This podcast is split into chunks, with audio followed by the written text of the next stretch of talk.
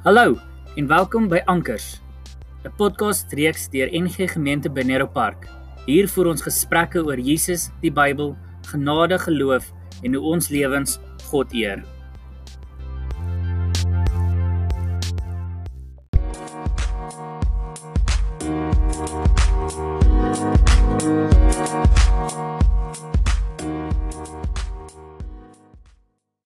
Goeiemôre.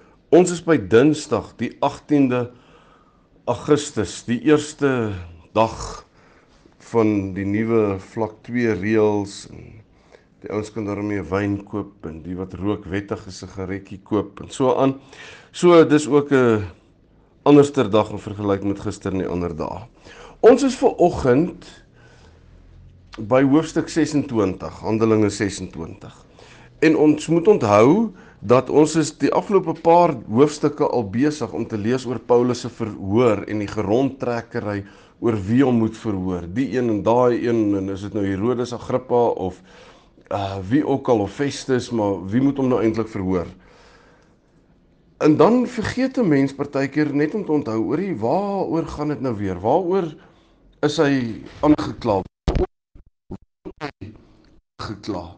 En dan lees ons um in hoofstuk 26 dan lees ons dat hy word aangekla oor dat hy sê Jesus het opgestaan uit die dood en hulle weet almal hy's dood. So nou moet ons verstaan hoe die Jode gewerk het vandag nog, daai tyd ook. Paulus het gestaan onder Joodse wetgewing. En volgens die eerste gebod het hulle 'n ding gehad wat hulle gesê het en hulle praat van die Shema Yisrael.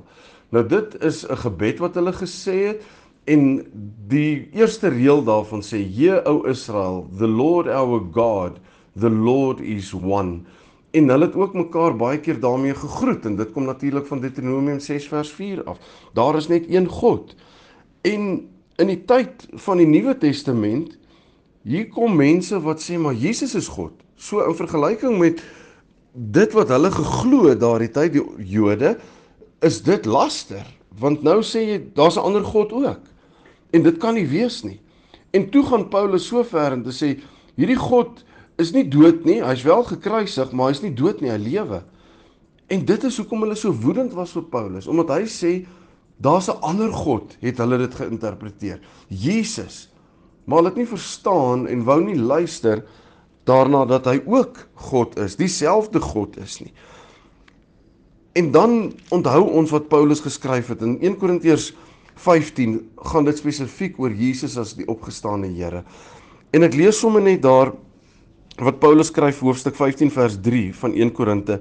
Die belangrikste wat ek aan julle oorgelewer het en wat ek ook ontvang het. Onthou nou nou kan Paulus kan uit 600 wette gekies het oor goed wat hy sê, julle nie mag doen en hoe mag doen nie. Nou sê die belangrikste wat ek aan julle oorgelewer het en wat ek ook ontvang het is dit. Christus het vir ons sondes gesterf volgens die skrifte. Hy is begrawe en op die 3de dag opgewek volgens die skrifte. En dan spring ons na vers 12 toe. As ons dan verkondig dat Christus uit die dood opgewek is, hoe kan party van julle nog beweer dat daar geen opstanding van die dooies is nie? As daar geen opstanding van die dooies is nie, beteken dit dat Christus ook nie opgewek is nie. En as Christus nie opgewek is nie, is ons prediking sonder inhoud en julle geloof ook sonder inhoud. Dit is as Christus nie opgewek is nie.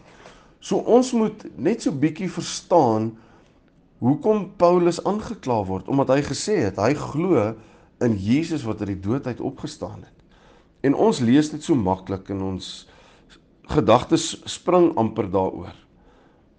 Maar ek dink as ons kyk in ons leefwêreld vandag hier in die 21ste eeu, dan is dit nogal 'n goeie ding om van aangekla te word om te sê ek glo in Jesus Christus die opgestane Here. Kom ons onthou dat dit nie net deel van ons belydenis moet wees nie, maar ook deel van ons lewe en dat ons daarvan beskuldig sal word dat ons in Jesus glo as die opgestane Here. In ons tyd vandag is daar selfs uit NG geleedere gereformeerde teologie is daar teoloë wat beweer dat Jesus nie opgestaan het nie. Ek het by so 'n professor klas gehad. Um wat sê as jy wil glo Jesus het uit die dood uit opgestaan is dit alraai, maar ons almal weet eintlik dit is nie so nie. Daar's ander bekende teoloë uh wat dit ook glo wat sê hy het nie histories opgestaan nie, maar as jy dit wil glo is dit reg. Iemand wat naby aan Jesus se tyd geleef gelewe het is is Paulus. En dan glo ek eerder wat hy geskryf het en wat oorgelewer is dat Jesus uit die dood uit opgestaan het. Kom ons kom ons beskuldig mekaar daarvan dat ons dit glo en leef en dat dit die kern van ons geloof is dat Jesus uit die dood uit opgestaan het en daarom is ons prediking en ons geloof nie sonder inhoud nie dat ons dit altyd altyd sal onthou kom ons bid saam Hemelse Vader vanoggend is ons belydenis net dit ons glo in 'n drie-enige God die Vader seun en die Heilige Gees en in Jesus Christus die eerste een wat uit die dood uit opgestaan het en heers oor al die konings van die aarde amen Lekker dag verder vir almal. Dit lyk of dit 'n kouerige dag gaan wees vandag en môre, miskien oormôre ook. Vir die ouens in die Kaap sterkte. Daar word sneeu voorspel en so aan. Geniet dit, maar bly warm. Lekker dag vir almal.